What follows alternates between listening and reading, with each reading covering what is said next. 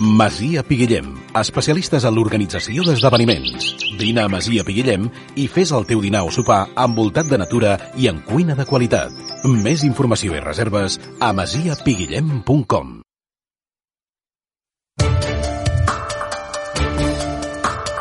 A Ràdio Olot, l'economia en el punt de mira, amb Josep Lluís Navarro. Bon dia, radioients.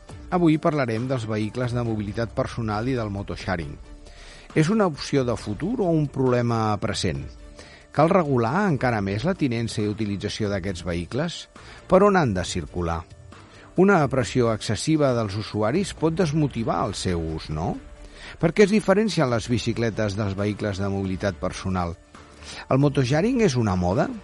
L'administració no tindria d'impulsar aquests sistemes i vehicles de mobilitat urbana? Per tal de conèixer millor aquests temes i resoldre dubtes, tinc el plaer de presentar-vos a la senyora Alba Rey, cap d'estudis de l'àrea de mobilitat del RAC. Bon dia i benvinguda, Alba. És un plaer tenir-te aquí a Ràdio Lot. Bon dia, moltes gràcies. Per conèixer de què parlem, ens pots explicar què són els vehicles de mobilitat personal? Segons la DGT, no, que és um, qui ha, ha fet la descripció, la definició de, que, de què és un vehicle de mobilitat personal, és un vehicle d'una o de més rodes que està dotat d'una única plaça i està propulsat exclusivament per motors elèctrics. Uh -huh. um, eh, la velocitat uh, a la que poden circular ha de ser d'entre 6 i 25 km per hora, no més i, i bueno, uh, han d'estar només uh, uh, equipats amb un seient i d'estar dotats amb un sistema de, de bueno, d'equilibri, no? Um, això és el que seria bàsicament un, un, un vehicle. vehicle de mobilitat personal amb seient o sense seient, perquè aquí estem veient constantment gent que va a peu dret, eh, tot, tot, tots drets, no, no van sentats, són els, els típics patinets, no?, que en diem. Sí, bueno, és el que els vehicles de mobilitat personal fonamentalment són els patinets que tots estem molt acostumats ja a veure als carrers. També hi ha eh, d'altres tipus eh, de, de ginys, eh, com són les rodes, les, les plataformes, uh -huh. però generalment eh, són els, els patinets que, que, ja, que ja formen part no, dels, dels nostres carrers. Escolta'm, un, un vianant i una persona que circula amb un vehicle d'aquest tipus, un vehicle de mobilitat personal, es considera el mateix? Mm, bueno, no, no es considera el mateix. No? Uh, una persona que porta un vehicle de mobilitat personal uh, porta en un vehicle, no?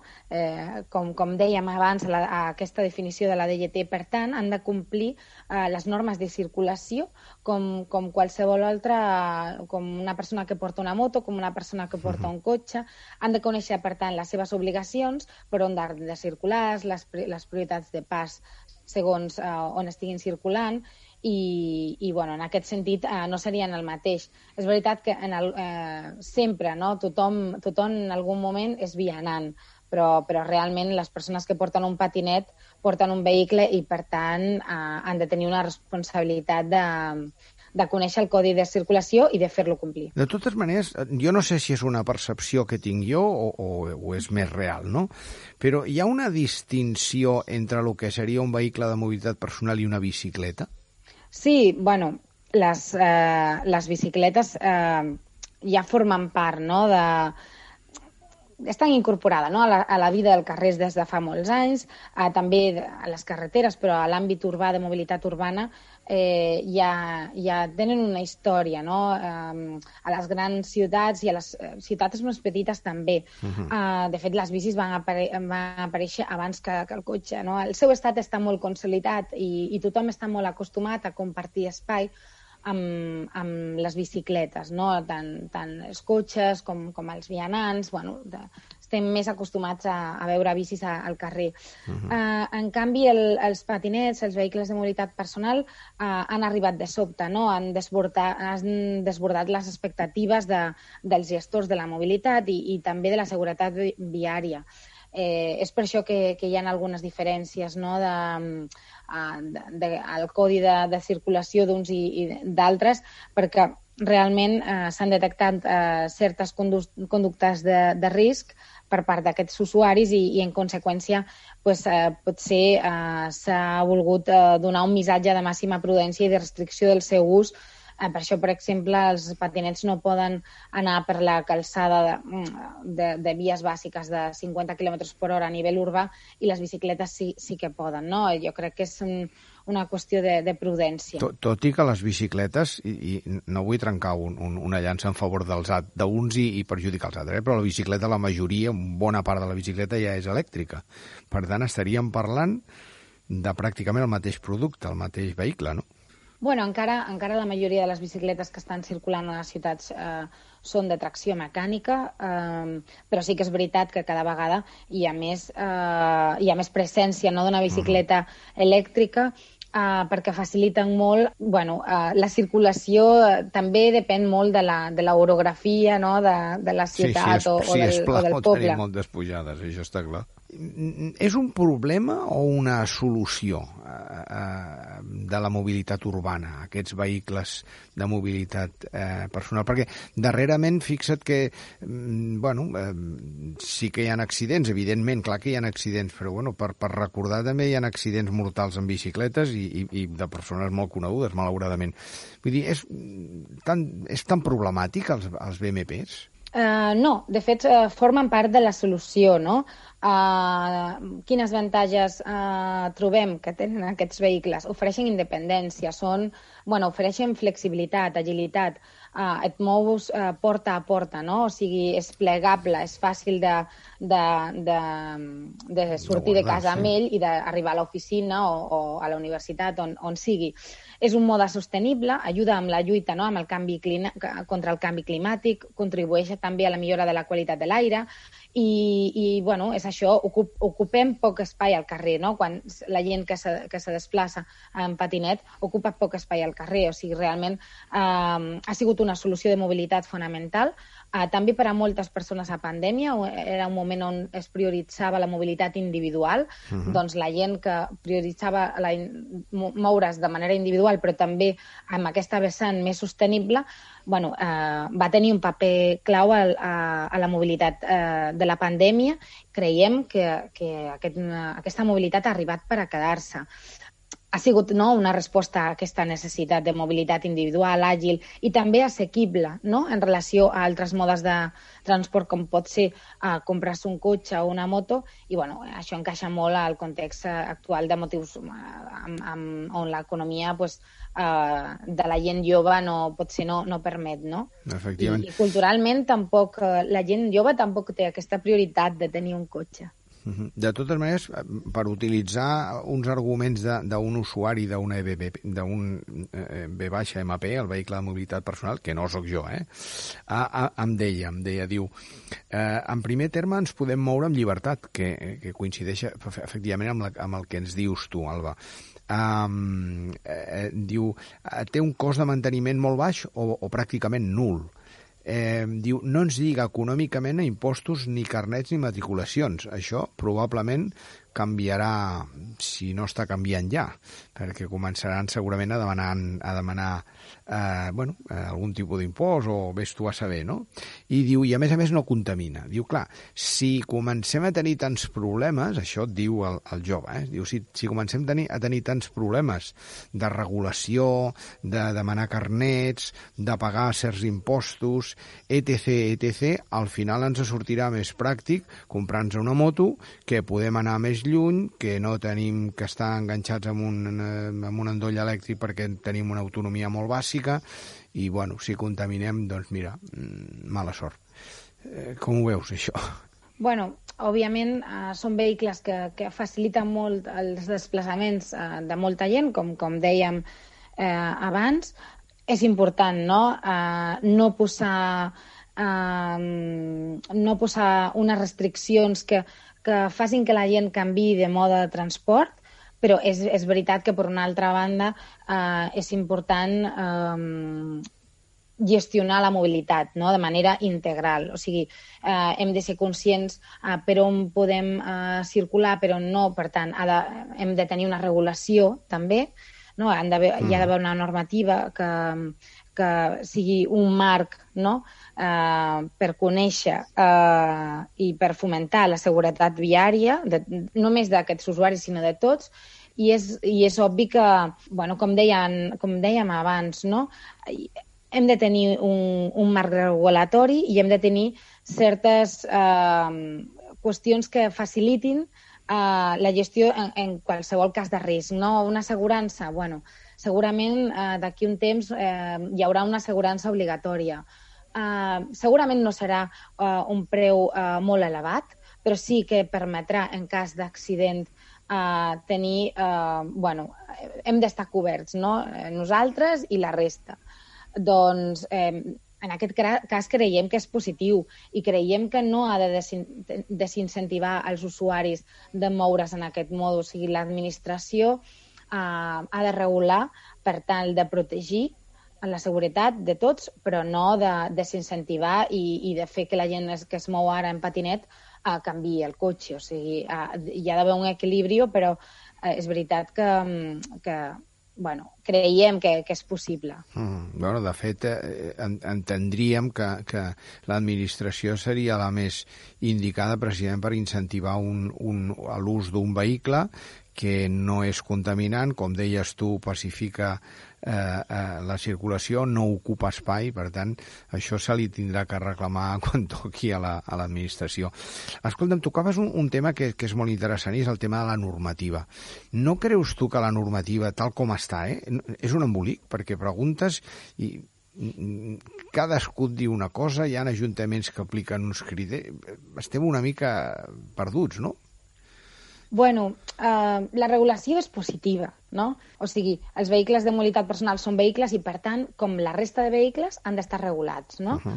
eh, S'han d'establir prioritats, velocitats màximes, eh, per on podem circular però no amb, amb patinets, l'edat mínima d'ús, eh, les característiques tècniques que han de garantir també eh, un vehicle de qualitat, eh, tot això ha d'estar regulat i és molt important.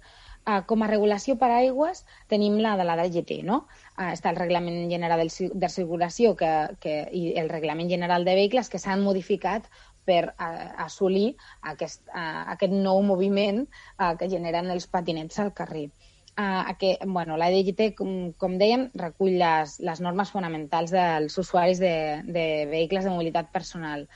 Uh, també fa uns dies que s'ha publicat això és molt nou, eh, que aquest eh, manual de característiques tècniques no, dels eh, BMPs és un document normatiu eh, on es recullen les característiques tècniques eh, que han de complir els vehicles de mobilitat personal per a poder circular. I també l'obligació eh, que tenen de tenir un certificat eh, que, que bueno, han d'estar homologats no? per, uh -huh. per un organisme que, que sigui competent. Um, a més, està la, la regulació municipal, que és la que concreta les normes de circulació per a aquest tipus de, de vehicles a cada municipi. És veritat que l'ideal seria eh, que hi hagués eh, homogeneïtat eh, amb, sí, a, la, a la normativa municipal, perquè uh -huh. eh, en, en un continu urbà com pot ser Barcelona, si jo vaig de Barcelona a Hospitalet, bueno, ja té sentit, no?, que eh, pràcticament ni, ni, ni, ni, ni, ni sé si canvio de municipi o no, que la, que la regulació sigui la mateixa. Um, bueno, jo crec que és una feina que els municipis estan treballant, uh, hi, ha, hi ha molta intenció de facilitar les, uh, la circulació d'aquests vehicles, però sí que és veritat que en aquest moment se, se, es treballa de manera independent i hi hauria d'haver una mica de consens. Uh, uh -huh. Més que res per facilitar la, la circulació i també perquè si tu coneixes les normes i les normes són les mateixes a, a tot arreu, és més fàcil que les puguis complir que si són diferents. Efectivament, totalment d'acord. Um, amb aquest aspecte, uh, jo diria que des del punt de vista de vianants, no? eh, els vehicles de mobilitat personal, no em preguntis per què, però tenen una mala fama, no? de que bueno, invaeixen espais eh, que, que estan destinats a les persones, però clar, al final hem, hem d'entendre que, mm, òbviament, s'han de compartir espais, no? Eh, aquí tindríem també que fer alguna feina per, per conscienciar per conscienciar-nos nosaltres com a vianants que bueno, aquests vehicles també tenen que utilitzar un espai, no? Sí, realment eh, nosaltres eh, al RAC vam fer un estudi, no? un, un baròmetre de, de, de l'estat no, actual de, de la mobilitat en vehicle de mobilitat personal es va publicar l'any passat. Uh, aquest estudi um, es basava en, una, en, en enquestes aquí a la ciutat de Barcelona i en observacions també, i, i una, una dada molt, molt important no, que va revelar aquest estudi és que el 43% dels usuaris de patinets eh, admeten que circulen per la vorera eh, amb el seu patinet en marxa quan no hi ha un espai específic per, específic per ells. Això què vol dir? Eh, hi ha un 43% que si no té per on circular, al final tu eh, vols circular i vols arribar al teu destí. Um, el que haurien de fer, el que haurien de fer és baixar del seu patinet a, a una àrea, eh, a una vorera i, i, i fins que troben un carril bici, per exemple, o una calçada de les que sí que estan permès, eh, per, eh, permeses, eh, la, permès a la circulació. Però tenim un 43% que no ho fa. Això pot generar conflictes no? amb la resta de amb, amb els vianants, que sí que tenen tot el dret de, de caminar per, per aquestes voreres mm, genera inseguretat als vianants, eh, que es senten molt vulnerables davant de vehicles que circulen a una velocitat que bueno, pot ser és elevada, eh, com màxim hem dit 25 km per hora, però és veritat que això per un vianant eh, potser és molt. Sí, sí. Eh, per tant, eh, és important no? eh, fer arribar... Eh, creiem que una de les, un, un dels reptes que tenim és eh, fer arribar la informació, fer arribar tota aquesta normativa, no? Com dèiem, com deies, eh, hi ha, hi ha, mm, la DGT parla, parla als municipis, eh, hi ha molta normativa, hi ha molta regulació, però potser no, no es coneix, no? El, potser l'usuari no li arriba. Eh, les campanyes de conscienciació eh, ens ajudarien a minimitzar el risc i, i situacions de, de conflicte que es, que, es puguin, que es puguin generar. Cal, com deies tu, aquest és un, un vehicle que ha vingut, eh, ha vingut per quedar-s'hi, eh, tant per les avantatges que, que ja hem, hem comentat. Eh, amb aquest aspecte, ja hem vist que la majoria d'ajuntaments, per no dir tots, han, han, eh, eh han optat per fomentar l'ús de, dels carrils bici, no? i que, evidentment, doncs aquí hi poden circular els vehicles de mobilitat personal. Molts altres ajuntaments darrerament, o també la majoria, han optat per les, pels carrers de, de baixa velocitat, de, de 30 km per hora, on també poden, on també poden circular potser caldria repensar el tema de mobilitat urbana, ja dic, més globalment, eh? per pensar que això a futur eh, cada vegada menys cotxes mm, i més vehicles d'aquestes característiques? Sí, bueno, la, la mobilitat urbana és cada, és cada cop més complexa, no? Hi ha nous modes de transport, nous serveis, eh, estem en una transformació, en un procés de transformació constant. La pandèmia també ha consolidat eh, canvis d'hàbit que, que ja es donaven abans, Um, però bueno, eh, ara ens movem més de manera individual i, i, i també ens, ens movem més, eh, de manera més, més sostenible, tot i que bueno, el transport públic eh, s'està recuperant. Però les opcions de caminar, anar en bici, eh, en patinet, s'han imposat i, i a la gent li agrada. Um, tot això força un replantejament integral de la mobilitat, on, òbviament, l'administració i, i, i també les entitats privades um, han, de donar, han de donar resposta, no? Uh, l'administració ha donat un pas endavant molt important uh, en quant a, a regulació i normativa, Mm, a Barcelona han sigut i a, i a l'àrea metropolitana i també a altres ciutats de, de Catalunya han sigut pioners uh, en, en quant a la normativa. Això és un, un pas endavant molt important. I a la reorganització del, dels espais i de la ciutat, um, bueno, cada vegada més uh, es, uh, es treballa per uh, redistribuir no, l'espai. Hi havia molt espai uh, dedicat al cotxe, i, i es treballa molt eh, en el sentit de donar espai també a la, a la nova mobilitat més sostenible. Sí que és veritat que s'ha de tenir en compte que s'ha de garantir també la, la mobilitat i la fluidesa del, del trànsit del, dels vehicles privats, eh, cotxe, moto, eh, mercaderies, la distribució urbana de, de mercaderies és molt important i, i és per això que eh, hi ha d'haver un equilibri i han, eh, han de ser canvis molt progressius on, on s'ha de garantir sempre la seguretat de tots i, i la fluidesa de, de, de la mobilitat de, tot el, de totes les persones. Aprofitant el tema aquest de la, de la baixa velocitat, no, no, no vull estar-me a preguntar-te una cosa, Alba. Um, darrerament hi ha una sèrie de, de, de carrers o de velocitats màximes recomanables o que estan eh, s'estan utilitzant amb, els, amb les ciutats i, i, i pobles d'aquí a casa nostra, que és la velocitat de 30 km per hora. Aquí, a lo que, a lo que, lo que et vaig a preguntar és el que molta gent ens preguntem, eh, entre ells jo mateix. Eh? El Vial Sant Jordi, no sé si coneixes, eh, Olot, el Vial Sant Jordi seria eh, un, una, un vial no, no ràpid, perquè evidentment està dins de l'àrea la, urbana, però sí que, eh, sí que mm, canalitza tota, la, tota la, la majoria de circulació, des de l'u tota la, la circulació passada i, i, i, i molta circulació de vehicles que no passen pel centre de la ciutat d'Olot, no? Llavors, eh, curiós no, que tinguem els radars a 30 km per hora, que ja està clar que és una qüestió eh, per regular i per pacificar, però és que a mi m'han arribat a passar en bicicleta jo en cotxe a 30 i m'ha passat una bicicleta, m'ha adelantat, o, o un patinet. Això ho hem parlat moltes vegades amb molta gent que, que solem circular pel vial, no? Això té, té, té certament una coherència. Estaríem d'acord que dius, bé, 30 km per hora, perfecte al centre d'una ciutat, això està claríssim a les vies internes d'una ciutat, però en una zona de, de, de pas eh, eh, més o menys ràpida, no, no, no diem ràpida, eh, però a lo millor 50 km per hora, que era la velocitat que hi havia abans, eh, estaria bastant millor, a, a banda dels que ja no fan cas al 30, eh? Ja van a la velocitat que volen i fan coses que no toquen. Com ho veus, això? A veure, eh, els carrers de baixa velocitat, carrers 30 o prioritat invertida, Uh, són necessaris no? a, a totes les xarxes uh, urbanes. Tenen com a, com a objectiu fa, facilitar aquesta convivència no? entre tots els modes de transport.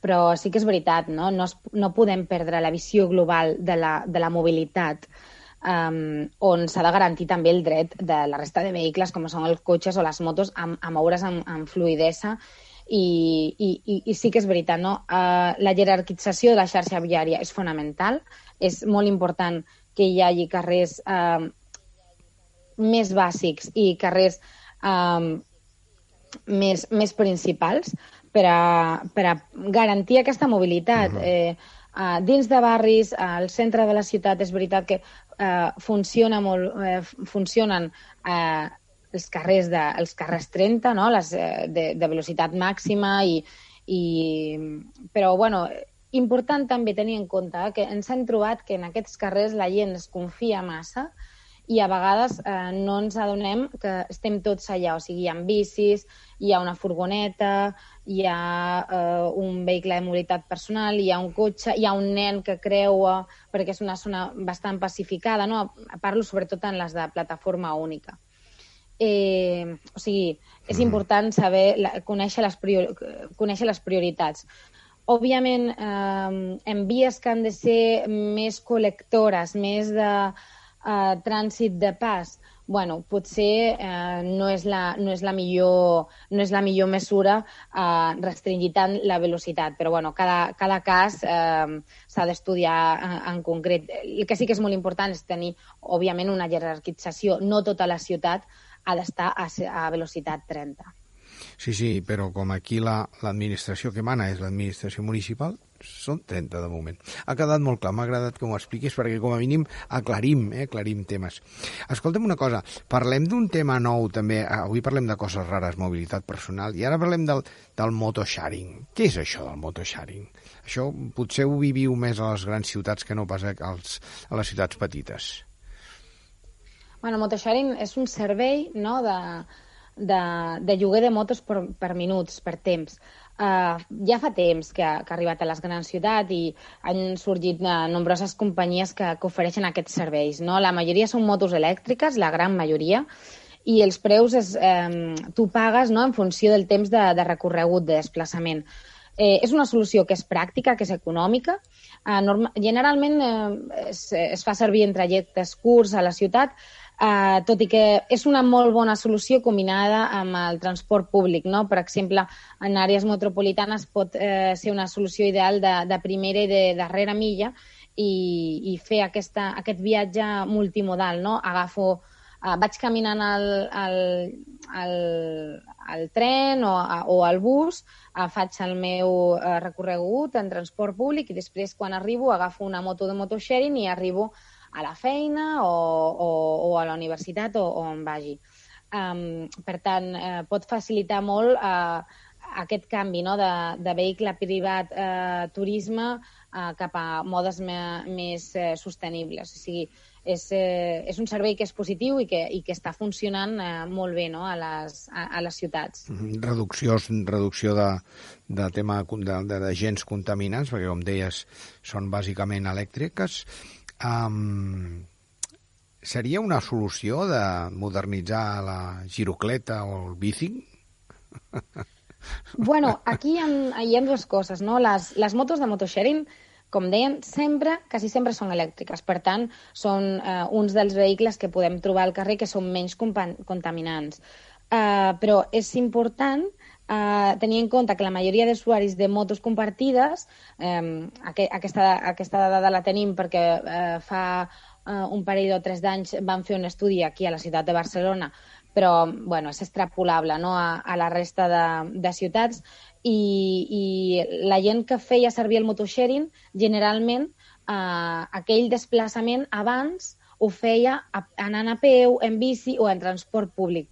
Per tant, sí que és un mode de transport molt sostenible, però si la gent que el fa servir abans eh, caminava, anava en bici o en, o en autobús o en, o en tren, no, no veiem aquest guany eh, en quant a, a, a minimitzar les emissions, no? perquè ja eren desplaçaments sostenibles. Quin és el, el repte? El repte és aquests, eh, que aquests usuaris siguin antics usuaris de, de, de, de cotxe, de, de moto vehicle. o de motos eh, més antigues o, o més contaminants. Eh, realment eh, són serveis que estan funcionant i, i per una altra banda tenim eh, la, bueno, la, la girocleta o el bici, no? eh, tant, tant a Girona com a, com a Barcelona. Aquests són serveis eh, totalment públics de, de, de bicicleta compartida. Han sigut molt útils, no?, perquè han impulsat la mobilitat en bici a les ciutats eh, i, i han generat no, eh, uh, aquest impuls, no? han, han sigut la força eh, i la gent normalment, eh, molta gent no? de la que ara circula amb una bici pròpia a Barcelona o a Girona, eh, es van iniciar a la mobilitat ciclista urbana en, amb aquests sistemes de, de mobilitat compartida uh, pública. Uh -huh. Per tant, eh, trobem que és molt positiu. A més, són serveis que s'han anat renovant, no? Cada vegada eh, els trobem a més barris, o sigui, eh, ja no estan només al centre, sinó que eh, hi ha serveis que estan en... O sigui, són serveis que podem trobar bicis a, a, a la perifèria, a barris que no són tan cèntrics, i fins i tot a l'àrea metropolitana de Barcelona la idea no, és que et puguis moure entre l'àrea metropolitana amb un servei eh, que sigui eh, compartit i que sigui metropolità. Aquest seria eh, un repte que, que hi ha aquí a, a l'àrea metropolitana de Barcelona. I també, eh, cada vegada més, aquí sí que eh, estan donant l'administració, la, eh, almenys a Barcelona, un impuls molt fort per augmentar la flota de, de les bicis elèctriques que siguin compartides. I això eh, bueno, contribueix a que molta gent que potser eh, ja eh, li costa un esforç no? que, físic eh, important amb aquesta, amb aquesta propulsió eh, elèctrica en un moment determinant eh, és fonamental per, per decidir-se i fer servir la bicicleta a la ciutat. Bueno, de fet, a Barcelona és, eh, jo diria que és, és una condició sine qua non, perquè els que tenim que, que viatjar amb certa regularitat a Barcelona per qüestions professionals, eh, una, posar el cotxe al pàrquing és, bàsicament, eh, bueno, et deixes mig sou, però és que hi ha molts vehicles ja, eh, ja no poden entrar doncs, perquè estan incomplint a, per, per l'edat del vehicle doncs, les circumstàncies de, de les zones de baixes emissions. Per tant, una, una, una, una demanda que et faig, aprofito la, la vinentesa pública, és que els motosharing també ampliïn l'àrea de, de, d'influència, és a dir, que no es limitin tant al centre de la ciutat i, com deies tu, que s'estan ampliant a barris més perifèrics. Perquè què passa? Tu arribes amb el vehicle, eh, podries arribar a una zona com seria la Vall d'Hebron o aquella zona que pots tenir més possibilitats d'aparcar el vehicle i aquí doncs ja podries agafar la moto per desplaçar-te o la bicicleta elèctrica per desplaçar-te. Aprofito per deixar-t'ho aquí a sobre, a sobre de la, de la taula. Però vaja, per baixar a Barcelona, eh, deixar-te 20 o 25 euros amb, una, eh, amb un aparcament públic és el més normal del món per poques hores, eh? ja ho, suposo que ho patiu vosaltres, no? Sí, uh, en quant al motosharing, uh, quan van començar, òbviament, uh, són serveis uh, privats que es van uh, ubicar, no? es van localitzar a, a zones d'alta demanda on, on pot ser hi ha molta gent que, que els fa servir i cada vegada més no? hi, ha, hi ha més usuaris que fan servir aquest, uh, aquestes motos de, elèctriques i, i ara, per exemple, a Barcelona es troba en tot arreu, no? Uh, això va en funció de la demanda, per tant, uh, creiem que és un, un sistema de, de transport que, que, que anirà un augment i territorialment uh, ocuparà més espai en el sentit de eh, es trobaran a, a, a la resta de municipis, no? Eh, això és, és positiu, no? Eh, quanta, quanta més oferta, eh, més, més opcions tindrà l'usuari no? de la mobilitat. Eh, per altra banda, un, un, un dels reclams no, que des del RAC eh, és molt habitual i, i, i des de fa molts anys ja que, que ho estem fent és eh, l'accés a Barcelona en cotxe cada vegada té eh, més condicionants, cada vegada és més complicat. Eh, al centre de Barcelona és molt complicat aparcar. Òbviament, eh, els preus que comentaves eh, d'aparcament no tothom s'ho pot permetre, i, i, però sí que hem de garantir la mobilitat de tothom. Uh, hi ha moltes persones que no tenen opció um, d'arribar a Barcelona en transport públic, uh, perquè també hi ha unes carències a nivell de rodalies uh, que són importants i, i, i per això demanem uh, que, que hi hagi una reestructuració important i s'ha de, de fer un esforç molt important en quant a inversió i també um, hem de reforçar molt no, el, el sistema de transport públic metropolità. En aquest sentit, els park and rides, no? aquests aparcaments eh, dissuasoris, que puguem arribar a, a, ser, a un cert punt de l'àrea metropolitana amb, amb el nostre vehicle, ja sigui la, la moto o el cotxe, i des d'allà puguem agafar eh, un, el transport públic per arribar al centre de la ciutat, això ha de ser un sistema que sigui molt fàcil, que sigui molt intuïtiu per, per a les persones i que, i que sigui atractiu també, no? I, i, i és un tema que, que és important, no? que, que, que s'ha de desenvolupar, que s'està fent, però, òbviament, l'impuls que, que se l'hauria de donar no se, no se li està donant perquè uh, hi ha una necessitat clara i, i, i hi ha moltes mancances i, i no, no s'està fent. I, bueno, és una de les, de les coses que nosaltres des del RAC sempre demanem, no? Si, si no podem arribar amb el cotxe, si hem de donar solucions. Abans, abans de, de restringir, hem de donar solucions de, de transport públic. És que hi ha moltes vegades, quan tenim que baixar a Barcelona, els que estem a fora, pensa que quan escoltem la ràdio ja sentim com estan les rondes i tot allò, ja ens agafa, jo com a mínim ja penso, escolta, em baixo més tard, perquè si ficar-te amb, una, amb un sidral d'aquests que estàs mitja hora o tres quarts per fer sis quilòmetres et surt més a, més a compte a peu. Efectivament, és tota la raó, eh, tindran que, tindrà, es tindran que fer eh, una sèrie d'actuacions clarament eh, des de l'àmbit eh, institucional per potenciar aquesta combinació de, de, de transport públic, pensant en, en la gent de, de comarques que agafem moltes vegades el tren o l'autobús i llavors allà puguem poder desplaçar-nos amb vehicles d'aquestes característiques eh, que diem elèctriques i que a sobre no són, no són contaminants. Um, escolta, Malva, ha sigut un plaer poder, poder parlar amb tu. Ens has, com a mínim ens has, ens has centrat una mica i ens has focalitzat una mica sobre aquests nous models de, de circulació, que tot i que aquí el motosharing no ha arribat, però et puc assegurar que els vehicles de mobilitat personal, això ha sigut una explosió com els bolets al setembre, eh, han sortit per tot arreu. Eh, bueno, ara Per tot, mateix, per tot. quan, Estan per arribava, quan arribava a la ràdio, m'han passat tres pedinets, un per cada banda, per aquí al centre, que ha sigut, ha sigut interessant. Ludit, moltíssimes gràcies, ha sigut un plaer poder parlar amb, amb tu. Moltes gràcies a vosaltres. Fins a propera. Perfecte. I a tots vosaltres, oients de Ràdio Lot, us esperem la setmana vinent. Qui us ha parlat, Josep Lluís Navarro, l'economia al punt de mira i alguna cosa més.